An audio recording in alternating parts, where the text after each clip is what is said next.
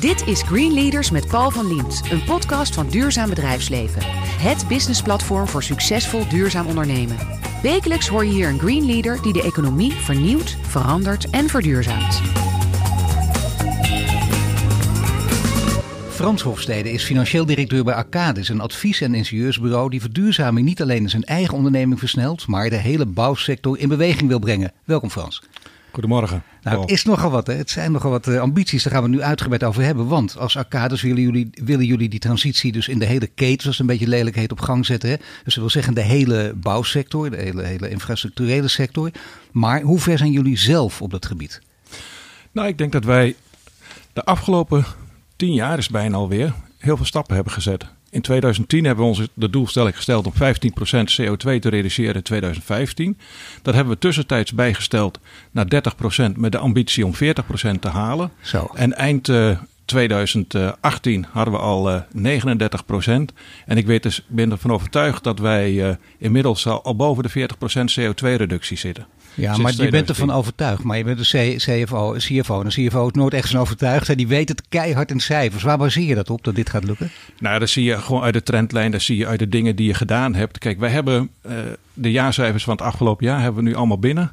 Even de CO2-footprint hebben we nog niet. Dat is even fase 2. Nou, en, even fase 2. Maar waar hangt het dan van af om die te krijgen? Uh, dat is even alle spullen bij elkaar uh, verzamelen en uh, netjes optellen. Je moet even prioriteiten stellen daarin. maar je stipt wel een heel goed onderwerp aan. Want nu is het nog niet heel natuurlijk om dat ook direct in je eigen rapportages mee te nemen. Nee. Maar als wij duurzamer willen en de volgende stappen willen zetten, zullen wij ook veel meer moeten investeren in het registreren, het meten en het weten.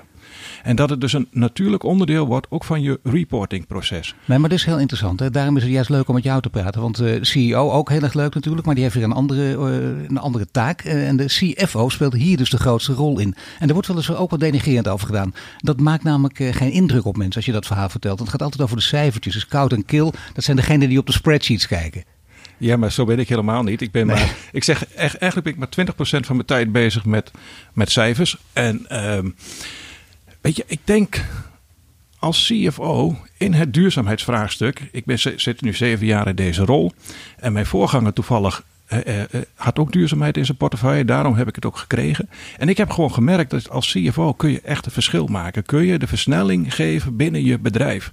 Want en als je teruggaat naar 2013 of iets daarvoor, toen was het nog niet voor iedereen duidelijk dat je met duurzaamheid echte stappen moest zetten. Maar zelf had ik al de visie, ah, je kunt met duurzaamheid geld verdienen. Dat en... wou ik zeggen, dat is nou net precies het punt waar het over gaat. Je kunt er geld mee verdienen, daarom is die rol van de CFO zo groot ook. Dat klopt. Nou, daar wil ik straks misschien wel wat over zeggen. Maar ik vind het nog veel belangrijker dat je als CFO met die, in die versnelling... Um, mensen op het goede spoor kunt helpen. Op dat moment waren er bij ons genoeg ideeën. Maar wat je ziet is dat men heel veel moeite had om bijvoorbeeld die ideeën goed om te zetten in een business case. En, dat, en te presenteren aan het management dat het verstandig was en goed was om te doen. Als CFO kun je daar enorm mee helpen. En als jij dan die business case helder kunt krijgen. En als CFO eigenlijk je stempel erop zet, dan worden ze bijna allemaal aangenomen. En daarmee krijg je een enorme versnelling op.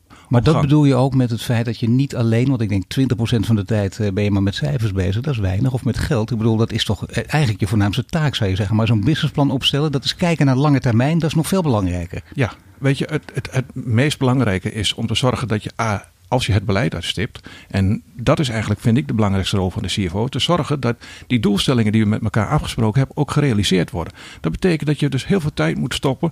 Dat alle neuzen dezelfde kant op komen te staan. Dat je voorwaarden scheppend bent om zaken uitgevoerd te krijgen en gerealiseerd te krijgen. En dat is niet gemakkelijk. Maar dat betekent wel, en ik ben CFO van Arcadis in Nederland.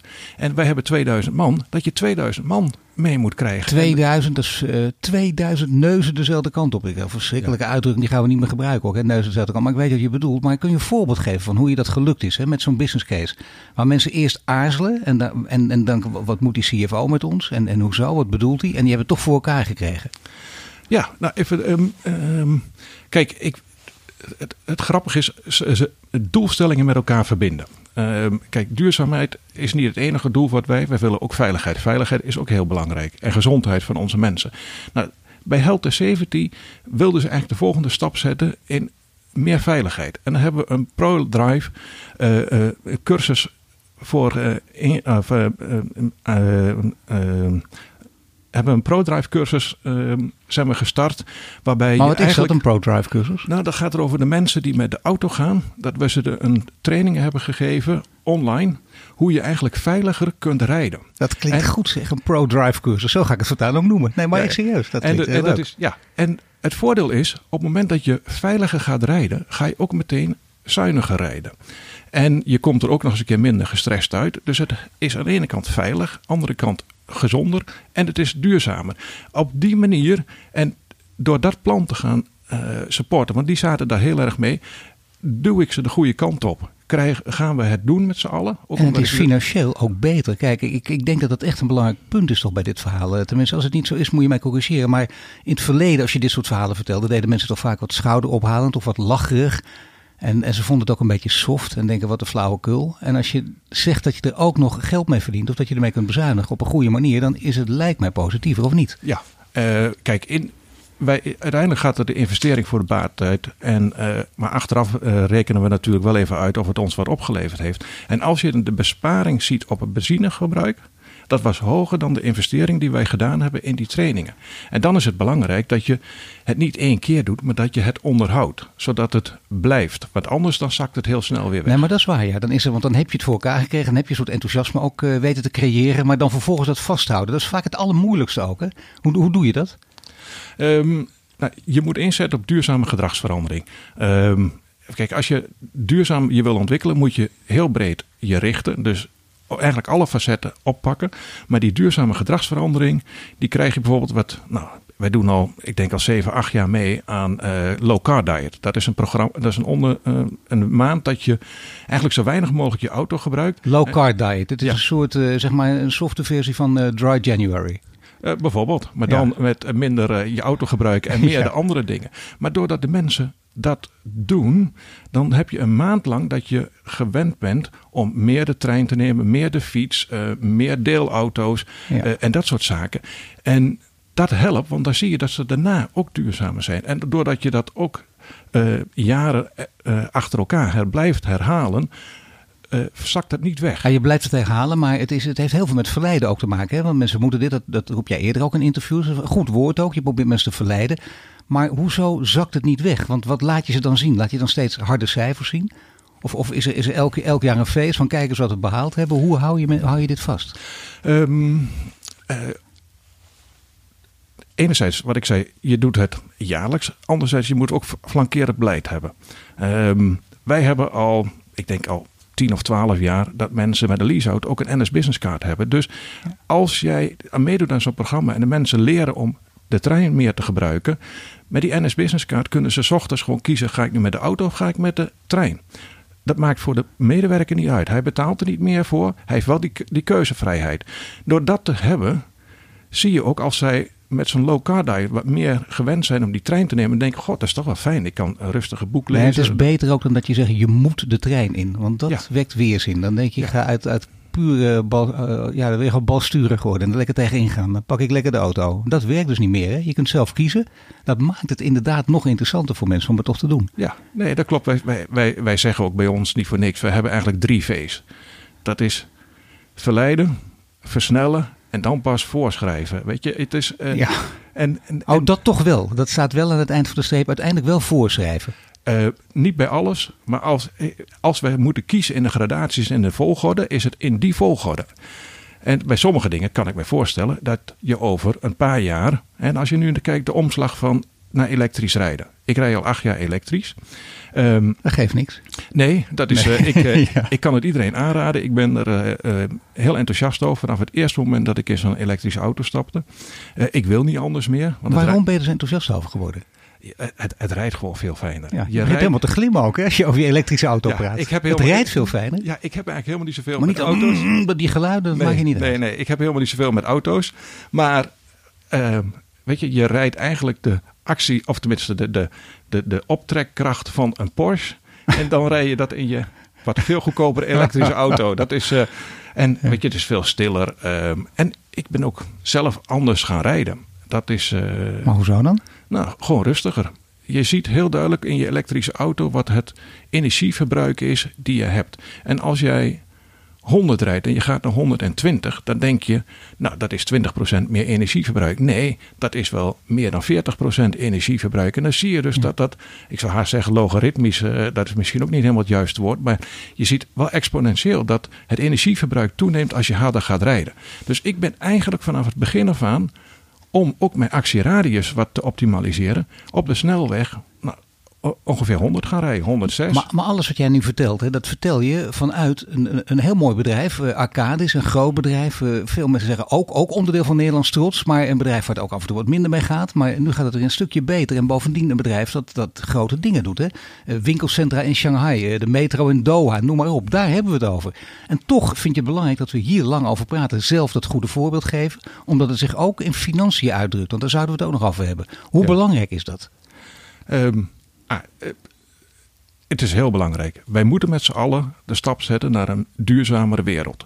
Wij als bedrijf, uh, doordat wij eigenlijk overal waar fysiek iets verandert in de omgeving buiten, zijn bedrijven zoals Arcades betrokken. Vooraf bij plannen maken of om ontwerpen te maken of om vergunningen te regelen of de effecten op het milieu. Kijk om je heen, de bebouwde omgeving en Arcades heeft er wel iets mee te maken. Ja, dat is, kun je bijna zo zeggen. We staan hier nu in Amsterdam. We, kijken, we kunnen naar buiten kijken door de ramen. We kijken bijvoorbeeld, als we, ik kijk door een raam naar een restaurant. Jij kijkt keurig naar buiten, naar, naar het Vondelpark. Ja. En dan heeft Arcades daar wat mee te maken. Er ligt ook nog asfalt. Uh, ik, nou, ik, net hier niet, hè? Uitgerekend hier niet. Nee, maar hier in de omgeving kan ik, ja. uh, zoals het Rijksmuseum en de andere musea en het Museumplein en de parkeergarage daar. Um, ja, mooi. En, en het, uh, weet je, en het railinfrastructuur kan ik voldoende aanwijzen waar we allemaal bij betrokken waren. Dan ben je overal een speler. Ja, misschien is het toch aardig om, om mensen nog meer dat beeld te geven. Als je, als je het Rijksmuseum of het Museumplein, pik het maar eruit wat je wil. Wat, wat is de rol van Arcades daarin? Um, wij zijn zeg maar, wij zijn niet de bouwers. Wij zijn de mensen die de zaak ontwerpen, uitdenken, uh, of de onderzoeken doen vooraf, of de vergunningen regelen, of het toezicht houden bij de bouw. Dus wij stapelen niet de stenen, maar alle andere dingen eromheen kunnen wij voor onze klanten doen. En dat betekent dat je aan de voorkant staat wanneer er iets fysiek gerealiseerd wordt. En dat betekent ook dat als je aan die kant de input geeft van hoe het duurzamer kan, dat gebouw staat er voor 100 jaar. Dan heeft dat voor 100 jaar een positieve impact op het milieu. En vanuit die optiek is het dus heel belangrijk dat bedrijven zoals wij voorop lopen en met name ook de kennis en de kunde die we hebben op duurzaamheid in onze projecten verwer verwerken voor onze klanten. En, met, en volop met onze klanten meedenken om het nog duurzamer te doen. En daar steeds uh, stappen ook in nemen natuurlijk. Maar zijn er nog klanten, ik kan het mij niet meer voorstellen, uh, die, die zeggen wij willen het niet duurzaam. Kom je ze nog tegen? Um, nou, eigenlijk, eigenlijk nauwelijks. Uh, en, in ieder geval niet hardop lijkt me. Nee, ik, ik kan er niet zo een paar bedenken. Nee. Um, het is gewoon vanzelfsprekend geworden. Ja, maar er zit wel heel veel gradatie in. En het is ook heel belangrijk om je klanten daarbij te helpen. Dus wij zeggen ook tegen onze adviseurs, op het moment dat je een project voor de klant, voor je opdrachtgever begint, zorg dat je zijn duurzaamheidsstrategie kent, zodat je met hem mee kunt denken om het in jouw project nog duurzamer te Maar is de klant ook altijd bereid om de hele duurzaamheidsstrategie in alle openheid op tafel te leggen? Nou, vaak kun je die wel, uh, wel achterhalen. Uh, ook, en, en, en ook in gesprekken. Ja. Ik bedoel, duurzaamheidsstrategie is vaak geen uh, vertrouwelijk, vertrouwelijke strategie. dus dat, dat helpt. En, uh, maar als je daar uh, echt actief onderzoek naar doet, weet je, dat wordt ook door die klant gewaardeerd. En dat, je, dat hij weet wat, wat zij willen um, en dat je daar ook met hun in mee kunt denken. Maar je staat er niet als een achterdochtige controleur, maar je doet het echt vanuit die optiek natuurlijk. Zodat je zegt, nou dit is aardig, maar misschien zou je daar kunnen schuiven. Uh, ja, Weet je, iedereen vindt het, uh, en zeker de mensen bij Arcades, die vinden het mooi als zij de leefomgeving verder kunnen verbeteren. Dat is ook een beetje de, de missie en de passie. Die maar dat willen jullie zelf ook kijken. En dat heb ik even opgezocht en dat is belangrijk. Hè? De, dan moet ik je even, even iets citeren wat ik heb bezocht. Kijk, wat voor jullie belangrijk is in de volgende fase, de Sustainable, uh, de sustainable Development Goals uh, uitvoeren. Dat is heel groot, hè? dat is echt iets heel groots. Dat wil je gaan doen. Het vergt aandacht, zeggen jullie ook. En het moet ook in het wervingsproces en de inkoop opgenomen worden. Ja. Als het niet waar is, moet je mij corrigeren. Maar wat, wat, wat bedoel je daar precies mee? Nou, weet je, we hadden het net over dat we al hele grote stappen hebben gezet. We hebben meer dan 40% van onze CO2 gereduceerd, maar we willen de next step zetten. En wat je ziet is dat je, wij het nu veel meer vanuit het aanjaagfunctie maar gedaan hebben. En wij moeten zorgen dat het volledig verankerd wordt in al onze processen. En dat is eigenlijk de volgende stap. Daar zijn we volop mee bezig. Op het moment dat je dat doet, gaat het ook veel meer eigenlijk eh, een natuurlijk zijn dat iedereen bij ons heel natuurlijk vindt dat je over duurzaamheid nadenkt. Dat je er niet elke keer op moet wijzen of moet doen. Maar laat ik dat, als voorbeeld nemen het wervingsproces dan. En, en, wat is, en vooral dan de rol van de CFO daarin? Uh, nou, uh, misschien op dat punt iets minder, maar wel in de zin van het meedenken. Uh, en als je bij werving, als het zodanig duidelijk is dat wij als bedrijf een duurzaam bedrijf zijn, daarin voorop lopen. Um, en dat wij ook eigenlijk het belangrijk vinden dat je met het openbaar vervoer komt in plaats van met de auto, dan weet iedereen al die die advertentie leest voor de dikke leasebak, hoef ik niet naar Arcades toe te gaan. En ik moet eerlijk zeggen, het is waar. Je hebt het bewezen vandaag ook. En niet zomaar voor de vaak. En ik vroeg hoe ben je gekomen met de trein. En echt, de trein gaat altijd zo goed, maar net nu even niet. Maar toch, je pakte meteen een ander en daarna met de tram. Je ja. was keurig op tijd hier, eerder dan ik nog. Ja, dat klopt. Terwijl ik op de, de duurzame fiets was. Maar ja, goed, te laat van huis vertrokken. Nu is het wel belangrijk dat, dat je zegt alle processen. Hè? Overal uh, heb je mee te maken. Iedereen moet, er, moet eraan meedoen. Waar moet je het, het flinkst duwen? Waar is het nog het moeilijkst om, om echt uh, over duurzaamheid te praten? Um, kijk, in onze eigen processen, daar gaat het best wel de goede kant op. Als we het hebben over inkoop, dan zie je soms ook in projecten. Uh, dat vergt nog wel iets. Want dan zit je vaak onder druk. De klant wil meteen dat je gaat leveren. Ja. En dan moet je toch even de rust bewaren en het overzicht om te zeggen van ja, maar hoe kunnen wij dat nou nog duurzamer doen? En hoe kunnen we nou zeker zijn dat ook in die inkoop we wel de duurzame dingen hebben Maar ik vind het mooi dat je dit zegt. Want dit zie je bij veel organisaties. Dan moet je de rust nemen. Maar de werkdruk is altijd groot. Dat is ook lekker. Die adrenaline heb je ook nodig. Heeft ook een beetje met, met karakter te maken. Zeker als je zo, bij zo'n bedrijf als jij werkt ook. Hoe, hoe krijg je dat voor elkaar? Dat mensen echt even de rust kunnen nemen. En nadenken. Het, namelijk, het, lijkt, het lijkt heel klein. Het is denk ik even de moeilijkste eigenschappen. Ja, en, en soms is het daar ook gewoon even ingrijpen. En uh, weet je, als je voor de opdrachtgever werkt. Zorg wel dat je in die dialoog bent met die klant. En als je dit zegt van jongens, ik, ik weet dat wij, uh, en ik bedoel, ik ben naast duurzaamheids, uh, de duurzaamheid in mijn portefeuille, ben ik ook verantwoordelijk voor de gebouwen en de faciliteiten bij ons. Ja. Een paar jaar geleden heb ik bij onze kantoor in Amersfoort verbouwd. En ik weet nog dat we eigenlijk zeiden van ja, als we de deadlines willen halen, moeten we nu beginnen. En toen zaten we met de stuurgroep om tafel en toen zaten we elkaar aan te kijken. En we hadden eigenlijk allemaal het idee dat er nog meer te halen was. Toen hebben we gezegd, nee jongens, we schuiven het een maand op. We gaan nog een maand nadenken. En dan ja. kun je net die extra dingen doen doordat je op een aantal punten kunt bezuinigen, een aantal dingen net iets beter kunt doen, waardoor je een veel beter resultaat hebt. En vaak nog tegen minder kosten ook. Nou. Maar je moet wel, weet je, je moet het wel doen. En, en als je voor een klant werkt, moet je dat wel even transparant en open met die klant communiceren. Die snapt dat vaak ook wel. Nou, kijk eens even. Hij komt helemaal los. Hè. Je hoort Frans Hofstede, financieel directeur bij Arcadis. Net spraken we over hoe Arcadis zijn eigen bedrijfsvoering verduurzaamt. En zometeen praten we verder over zijn achtergrond en ook over zijn stijl van leidinggeven.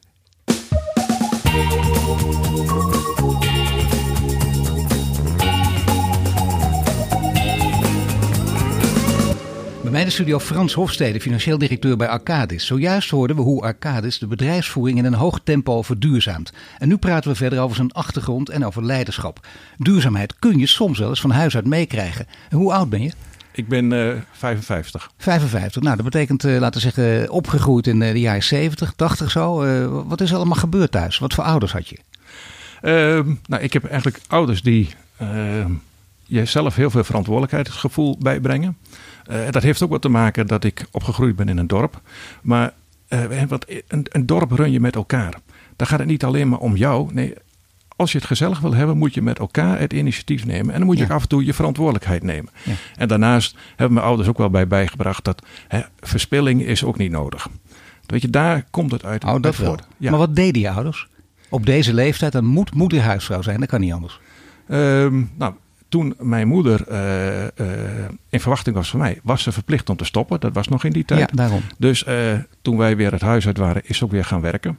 Want dat heeft ze eigenlijk wel gemist in al die jaren. En wat deed ze dan? Uh, zij was uh, secretarieel. En uh, later heeft ze eigenlijk uh, op het bedrijfsbureau gezeten. En jouw vader? Mijn vader is uh, een, een, technische man, is een constructeur. En hebben ze altijd tegen jou gezegd, Frans, ga geen gekke dingen doen in je leven, maar goede banen en zo, een mooie grote bedrijven opzoeken? Nee, ze hebben eigenlijk gezegd van, ehm, ehm, ga de dingen doen die je leuk vindt. En, en, en als je het vaak wat je leuk vindt, ben je vaak ook wat beter Wat vond jij leuk? Uh, ik heb eigenlijk een hele brede belangstelling. En het was voor mij, best, was voor mij heel lastig om te kiezen. En vrij op het laatst heb ik toch gekozen voor uh, economie, bedrijfseconomie. En ja, dat heeft, uh, ik bedoel, daar ben ik eigenlijk altijd in gebleven. Want... Maar het, toch, als je ik even terugdenk, als je 18 bent, is dat dan leuk? Dat je denkt, ik, ik ga iets leuks doen, ik ga bedrijfseconomie doen? Nou, dat geeft ook meteen aan dat je, voor die tijd was ik aan het zoeken. Ik was bezig met planoloog of misschien wat anders. Maar toen dacht ik alleen, het hele, met de rest van mijn leven in zo'n hokje met zo'n uh, assistent. Dat leek me ook helemaal niks. Um, uiteindelijk. En weet je, of uh, uh, geschiedenisleraar of historicus. dus zo verschillende dingen. En ik merkte gewoon dat ik uh, best wel goed was met cijfers, dat ik het overzicht had. En bedrijfseconomie heb je ook een brede functie. En, had je toen ook al een, uh, heel snel een, een beroepsperspectief? Um, nee, uh, dat ik mij wel meer zag in een organisatorische kant, in een, met, met een financiële component. Dat had ik wel duidelijk voor ogen. En ik ben er ook wat dat betreft een beetje open in de studie gestapt. Hè. Voor hetzelfde geld kom je uiteindelijk meer uit bij macro-economie. Maar het was eigenlijk al heel snel dat voor mij duidelijk was naar de bedrijfseconomische kant. Ja, dus eigenlijk toch wel min of meer als CFO in de wieg gelegd, zou je kunnen zeggen. Misschien het moest wel. er een keer van komen. Misschien. Maar kun je in vogelvlucht iets over je carrière vertellen? Wel, waar heb je gewerkt? Ik ben uh, na mijn studie ben ik bij uh, toen de tijd Melkunie Holland, als later Campina Melkunie geworden. En inmiddels door de fusies is het nu Friesland Campina, dat bedrijf. Ja. Maar daar heb ik vijf jaar gezeten. Um, daar heb ik ook mijn postdoctorale controlesopleiding uh, gedaan. En daarna heb ik um, uh, drie jaar een interimopdracht gedaan bij de VNG in Den Haag. Daar zaten toen ook allemaal bedrijven onder. En nou, daar moest een andere sturing op, uh, op toegepast worden met, en nieuwe financiële, financiële systemen geïmplementeerd worden. Dat heb ik gedaan toen als een interimopdracht. En vervolgens ben ik vijf en half jaar financieel manager van een zelfstandige dochter van KLM geworden. En bijna 19 jaar geleden ben ik overgestapt uh, naar Arcades. Ook wou net zeggen, er zit een zekere onrust in, maar de rust uh, daalde neer bij uh, Arcades. Een bedrijf waar je gewoon niet meer weg wil.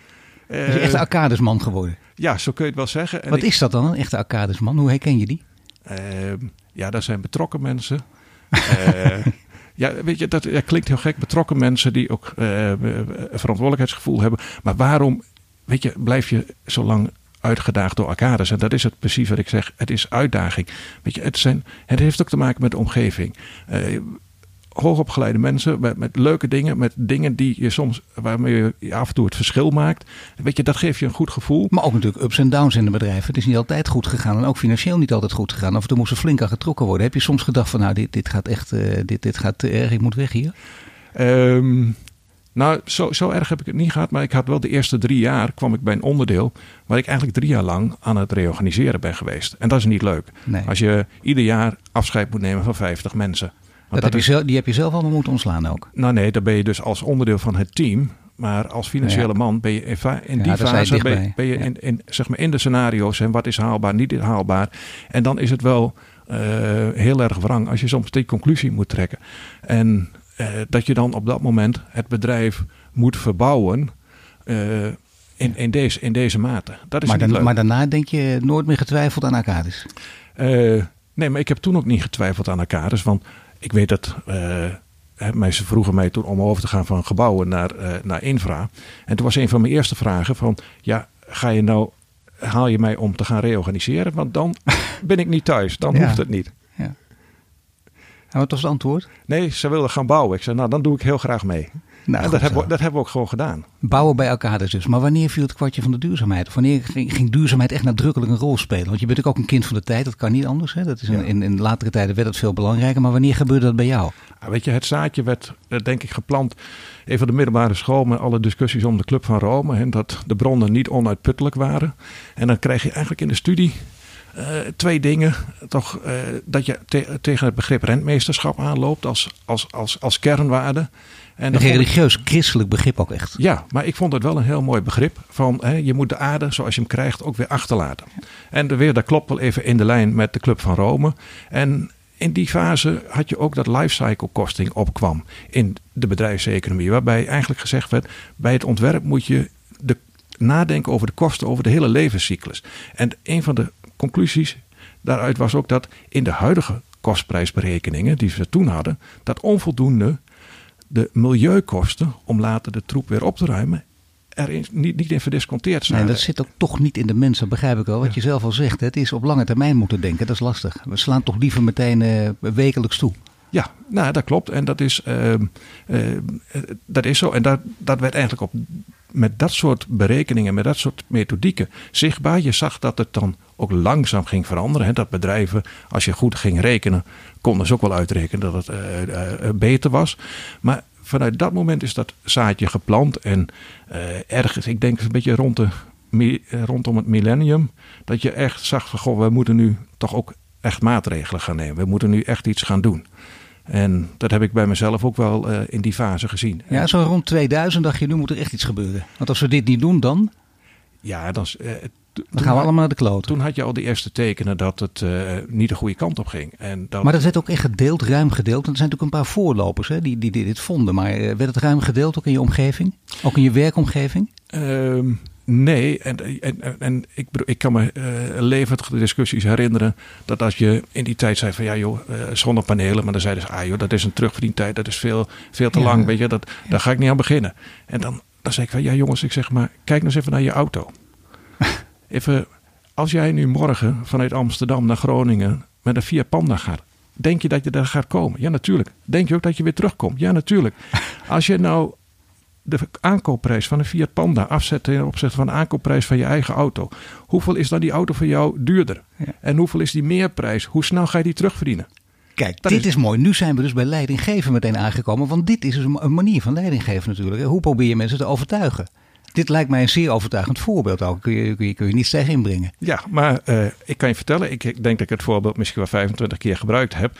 En dat heel veel mensen zeggen, ja, maar zo moet je niet denken. Weet je, een auto is toch heel anders, want dat is voor de mensen een hele andere investering. Ik denk dat nu de mensen wel snappen van wacht even, um, het is ook belangrijk om te investeren in ja. milieu. Nou ja, de kracht van herhalen natuurlijk en dan weer nieuwe dingen bedenken. Maar je bent leider en, en hier gaat het ook over, over uh, green leaders, over duurzaam leiderschap. Hoe, hoe typeer jij jezelf? En dat mag je ook gewoon in alle onbescheidenheid zeggen, want je hoort ook mensen om je heen die ook wat over jou vertellen. Ja, nou weet je, ik, um, ik ben uh, een conceptuele denker. Uh, dat betekent ook dat je een visie hebt, ideeën hebt en daarmee bezig bent.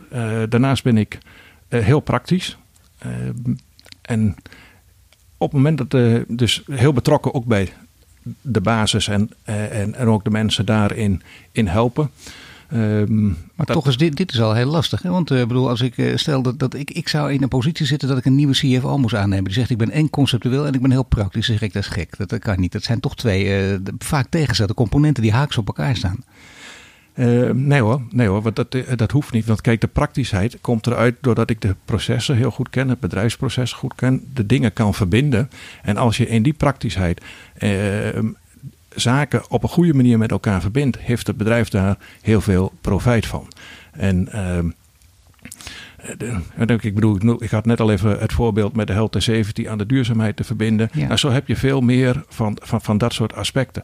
En een ander belangrijk punt is, je moet ook uh, zeg maar het goede voorbeeld zelf geven. Kijk, ik, ik, ja, nee, maar als ja, je, vind je dat echt? Dat hoor je altijd te doen als leider, moet je het goede voorbeeld geven. Uh, ik begrijp dat ook hoor. En ik hoor het heel vaak. Ik lees het in alle managementboeken, maar het heeft ook iets kinderachtigs. Ja, maar als ik de mensen bij ons vertel, jongens, we moeten duurzamer gaan worden. En, dan, en, en ik kom met een hele vervuilende auto binnen en ik doe thuis helemaal niks. ben ik dan geloofwaardig? Nee. nee. Uh, op het moment dat ze zien dat je zelf bij regelmaat, dat is voor mij 45 kilometer naar kantoor, op de racefiets komt. Zo. Uh, maar, uh, Pardon? Ja, maar dat even. Heen maar, en terug. Nee, dat is, dan ga ik s'avonds naar huis en de andere ochtend weer met, met de fiets naar kantoor. Nou, heel en dan, en dan en even lekker douchen en dan aan het werk. Nou, dat doe ik ook niet te vaak per jaar, want het moet wel uh, een beetje goed weer zijn en licht. Dus in de winter is maar goed, je blijft er slang bij. Dat is een grote voordeel, ja, zo dat te is, zien. Dat is belangrijk. Maar even, je, je moet ook um, zeg, zelf het voorbeeld geven. Hè? Practice what you preach of put your money where your mouth is. En dus ik heb ook uh, zonnepanelen op het dak staan. Ik heb ook een zonneboiler. Uh, ik rij elektrisch. Weet je, dat...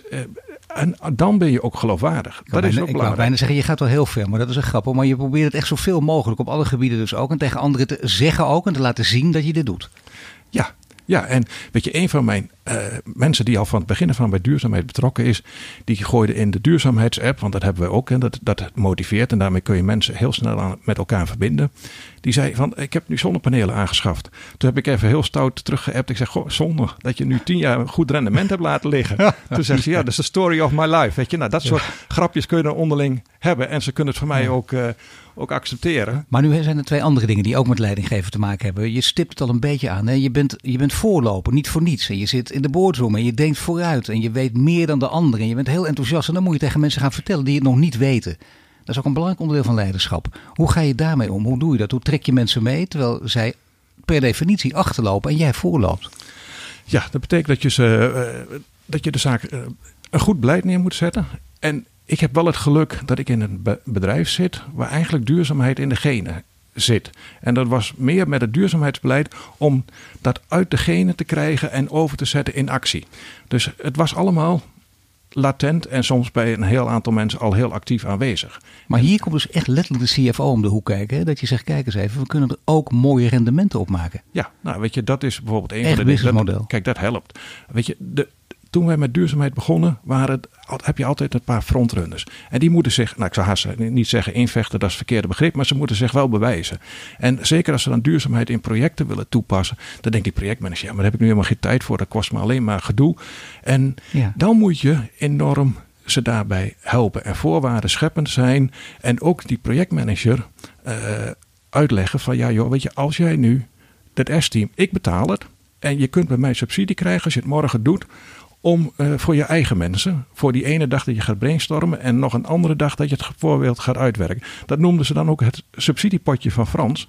Want ja, of het nou uit het budget van die afdeling komt of uit het project of bij mij, het is, komt uit het budget van het bedrijf. Kijk. Maar je hebt daarmee wel dat mensen denken, ik heb een subsidie gekregen, nou moet ik het ook gaan doen. En daarmee zie je wel dat je het versnelt. Daarmee geef ik de mensen die vanuit de duurzaamheidsambassadeurs bij ons de positie in de projecten, om wat ik net zei, even na te denken: wat is nou het beleid van de klant op het gebied van duurzaamheid? En kunnen we daar een, een goede fit vinden en nog iets leukers doen in het project? Op een hele slimme manier verantwoordelijkheid geven. Ja, en, en het voordeel is op het moment dat je dus dat doet en die klant meekrijgt, dan heb je vaak ook weer je extra opdracht. En dat is wat ik noem, daarmee ga je geld verdienen.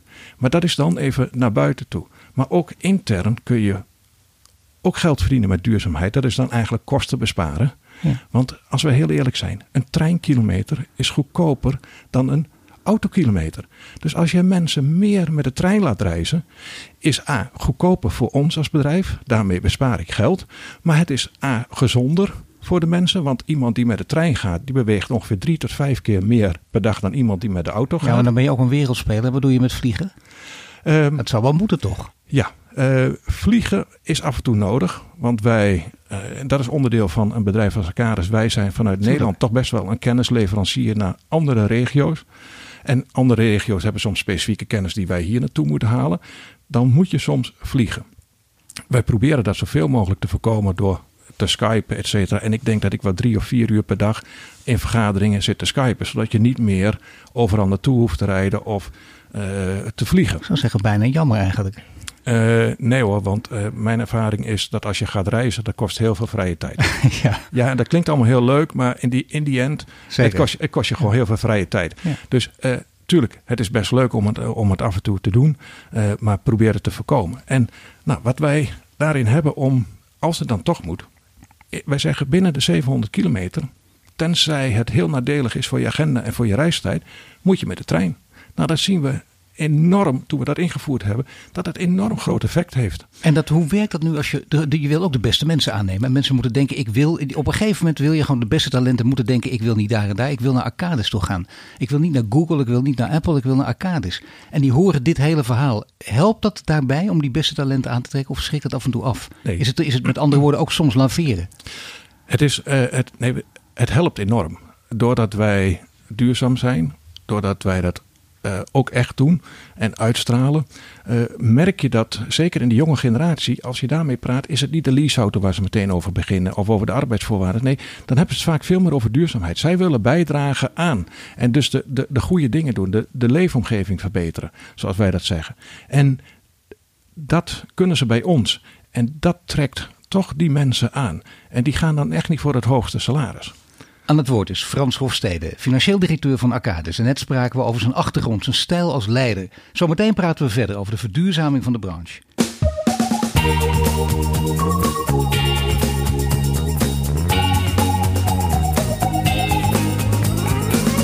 Bij mij in de studio Frans Hofstede, financieel directeur bij Arcadis. Net spraken we over zijn rol als leider in de nieuwe economie. Nu gaan we het hebben over de rol die Arcadis in de keten speelt. Ja, in de keten, hè, dus de hele sector, iedereen die daarmee te maken heeft. Je bent zelf een speler, er zijn veel meer spelers. En wat is nou de ambitie als het om die branche gaat? Want dat lijkt me nogal een stevige, een, laten we zeggen van oudsher traditionele sector, de bouw- en infrasector. Um, ik zeg het heel voorzichtig, hè? Ja, nou weet ik zie jou ook al kijken. Kijk, nee, nee, kijk, de bouw- en infrasector doet best wel een groot beslag op de zeg maar de CO2-uitstoot in Nederland. En ook over de, de middelen en de, de, uh, de, de, de, grondstoffen die ze daarin gebruiken. Ja. En dan is het op het moment dat je in die sector stappen kunt zetten. door vanuit circulariteit je grondstoffenverbruik enorm te verminderen. heb je enorme impact ook op het milieu. Um, dus dat is even als je even in de grote getallen en in de grote stromen denkt. Um, belangrijk voor ons is wij zijn een kennisbedrijf om daarin ook voor op te lopen. Om de klant, want dat doen wij nu ook met allerlei opdrachten, te helpen. En we helpen de klanten nu ook met duurzaamheid. En ook als wij op dit vlak voorop blijven lopen. En uiteindelijk wat wij zeggen, als je naar die zes stappen van duurzaamheidsontwikkeling kijkt, staan we nu ongeveer op tweede, treden 2, 3. En dat wil zeggen dat we bezig zijn om het helemaal in onze processen te verankeren. En dat we dan het ook in de bedrijfstak. Maar je staat dus op uh, treden 2, 3 van 6. Ja. Nou, behoorlijke stappen te gaan nog. Dat klopt. En dat betekent ook dat we het echt in al onze processen... Maar welk onderdeel ligt er nou dwars? Dus met name die bouwsector. We zitten hier even lekker gezellig met z'n tweeën te praten. Laten we er geen, uh, geen doekjes om winden. Denk je van nou, nou, nou, dat is trekken en sleuren toch in die sector? Nee hoor, ik denk dat we in de bouwsector zien we de laatste jaren, het was misschien altijd wel een traditionele sector, heel veel veranderen. En ook daar zie je heel veel nieuwe ontwikkelingen. Iedereen heeft wel door dat het anders moet. Heeft dat met nieuwe generaties te maken? Uh, het, uh, misschien ook wel, maar het heeft ook met wetgeving te maken. Het, en ook heeft, ja. kijk, iedereen ziet wel wat er buiten gebeurt. Het gaat Nee, maar wetgeving is dwingen en wetgeving kan veranderen. En dan kan het ook in korte termijn zijn. Het moet toch ook, uh, wat je zegt, hè, bij arcade zit het in de genen. Je zou willen dat het in die hele sector in de genen zat. Uh, ja, en daar zit het misschien niet. Kijk, uh, maar daar zien we wel enorm veel verbeteren. En dat heeft ook te maken, net wat net zei, die, die, die, wetgeving, men ziet het. en men beseft dat op de wijze zoals we bezig waren, wij niet door kunnen gaan. Als je alleen al kijkt, wel, de, de, de cement de, de, de cementbusiness wereldwijd, dat is, als je dat als een land uitdrukt, is dat het derde land ter wereld qua CO2-uitstoot. Dus het is daarom heel belangrijk dat, kijk, beton is een heel goed product, maar we moeten niet elke keer nieuw maken. We moeten veel meer naar uh, beton maar gaan recyclen. Toch krijg je natuurlijk in die sector met weerstand te maken. Mensen die het altijd anders gedaan hebben. Dat is een normaal proces ook. Zo werkt het in het brein van mensen. Maar dan ben jij de CFO toch juist degene die daar wat aan kan doen. Want je kunt ze nog meer verleiden met, met een in hun ogen denk ik harder klinkend verhaal. Uh, nou, of, kijk, als CFO ben je natuurlijk wat meer intern en wat minder extern georiënteerd. Ja, maar die dus, rollen zijn toch ook aan het veranderen? valt me echt op in heel veel bedrijven. Hoeveel CFO's worden niet CEO? Dat is echt veel meer dan vroeger. Ja, uh, kijk, die ambitie heb ik niet, maar dat is een hele andere discussie. Nee, gelukkig, want je uh, CEO luistert mee. Nee, dat dus, is heel verstandig dat je het zegt. Nee, maar die, ja. die, kijk, die discussie heb ik niet. Weet je, wat je belangrijk is, is daarin het beleid uitzetten en voorwaarden scheppend zijn en te zorgen dat er gebeurt. En weet je, die bedrijfstak, dat moet je met z'n allen doen. Dat moet je, en dan moet je ook de tijd meenemen. En dat betekent dat je dat over niet één element eruit moet pikken, maar op heel veel dingen tegelijk. We hebben een verrassing voor je. In deze Green Leaders uh, reeks podcast uh, interviews uh, sprak ik niet zo lang geleden met Pier Eringa, hè, de voormalige baas van, van ProRail. En uitgerekend op dit terrein had hij een vraag voor jou. Arcades, jullie zijn druk op het spoor en op vele terreinen. Wat kunnen jullie doen om uh, nog actiever uit je huisje te komen van techneuten uh, met goede voorstellen en ideeën uh, voor een duurzamer openbaar vervoer in Nederland? Ja, dus om die hele keten in beweging te zetten. Hoe krijg je dat voor elkaar? Um, ja, dat betekent dat je uh, nou, ik, ik, vind het, ik vind het een hele leuke vraag. Uh, Ook de lastigste tot nu toe. De beste vraag tot nu toe is niet door mij gesteld, maar door Pier Eringa. Dat blijkt wel. Nou, kijk, je, je, er, zijn, er zijn veel dingen wat je daarin uh, kunt doen. Um, even in onze strategie staat eh, klimaatverandering, klimaatadaptatie. Ja. Is, is een heel belangrijk speerpunt. Eh, als je nu naar buiten kijkt, de ene keer dan is het drie maanden heel droog. En dan komt het met bakken uit de hemel en heb je overstromingen en wateroverlast. Nou, als wij dus projecten doen, ook voor ProRail. En dat, ehm, dat we dan eigenlijk zeggen van joh, zullen wij nou ook eens even doorrekenen wat de scenario's zijn op het gebied van klimaatverandering. Op wat we bijvoorbeeld hier het ballastbed wat we maken.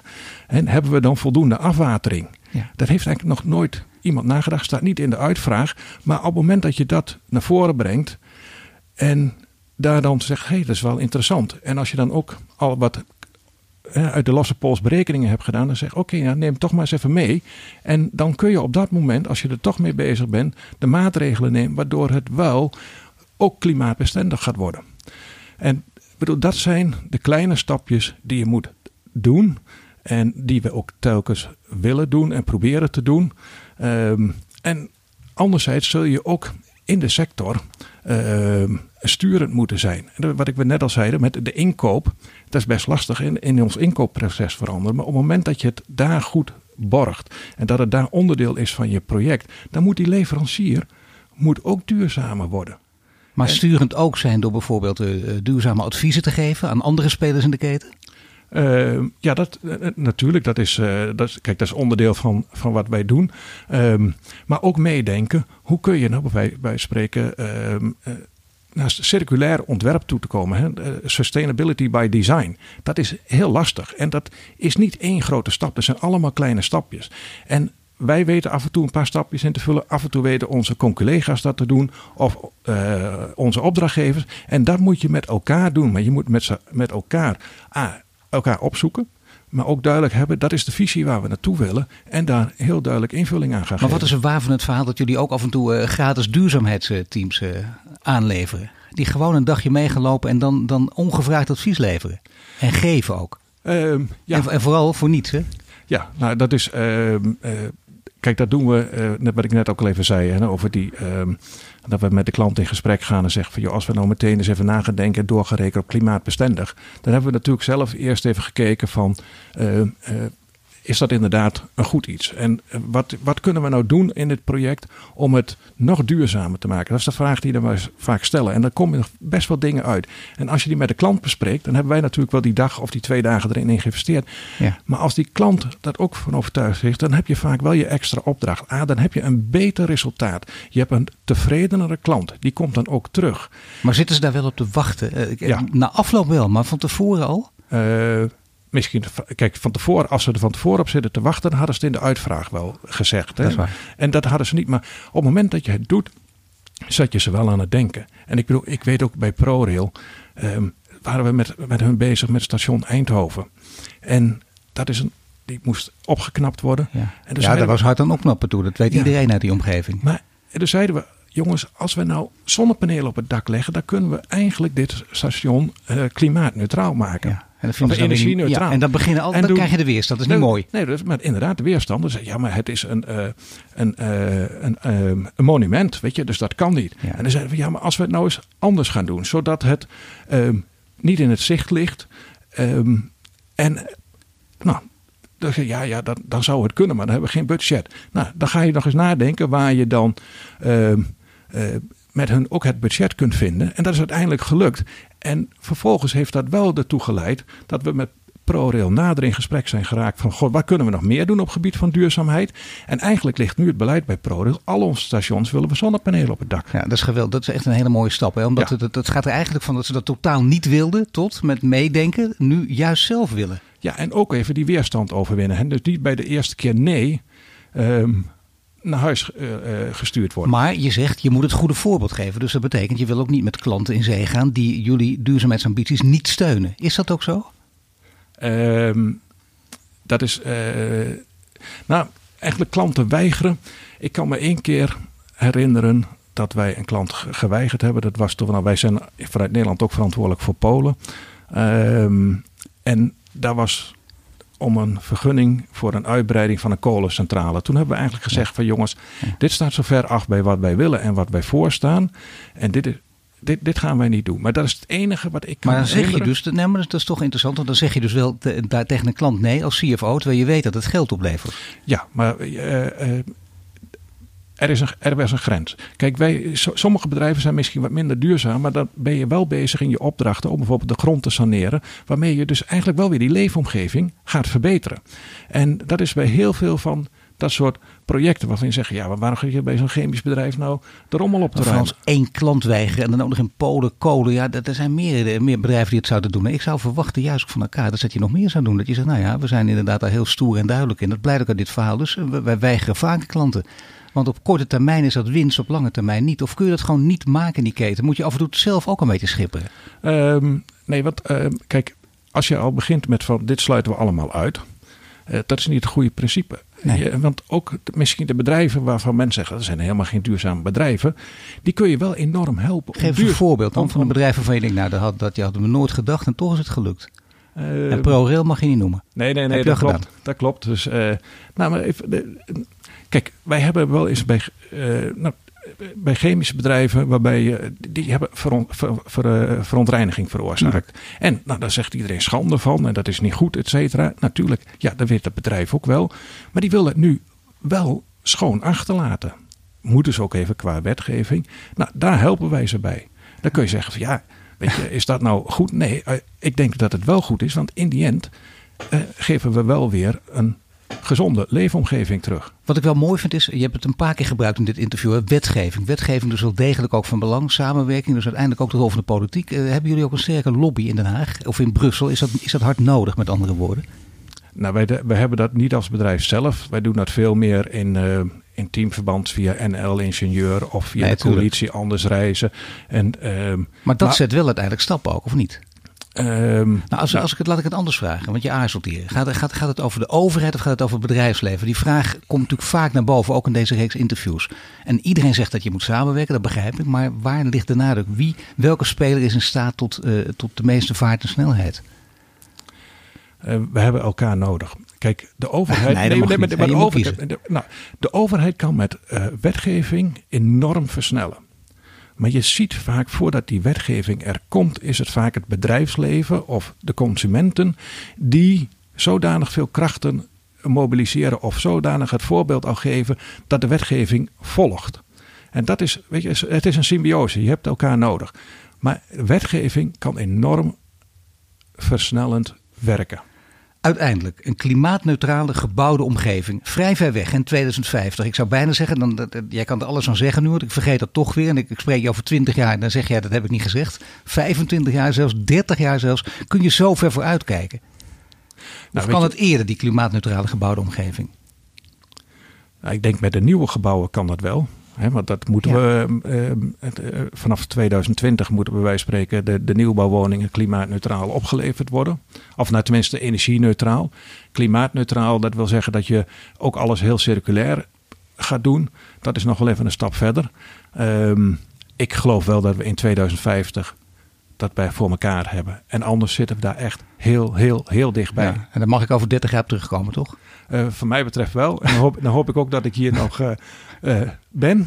Ja, tuurlijk. En weer, weer 40 kilometer op de fiets. Dan kom je gewoon naar Amsterdam fietsen. Oh, dat zou heel mooi zijn als ik dat op die, tijd nog, op die leeftijd nog doe. Dan eh, teken ik daar nu voor. Ik dank je wel voor dit gesprek, Frans. Frans Hofstede, CFO van Arcadis. Je luistert naar de Green Leaders podcast van Duurzaam Bedrijfsleven. Volgende week zijn we terug met de nieuwe Green Leader. Graag gedaan. Dit was de Green Leaders podcast voor deze week. Volg onze website voor meer nieuws over succesvol duurzaam ondernemen. Wil je meer afleveringen luisteren? Abonneer je dan nu via iTunes of Spotify en krijg een melding wanneer er een nieuwe podcast online staat.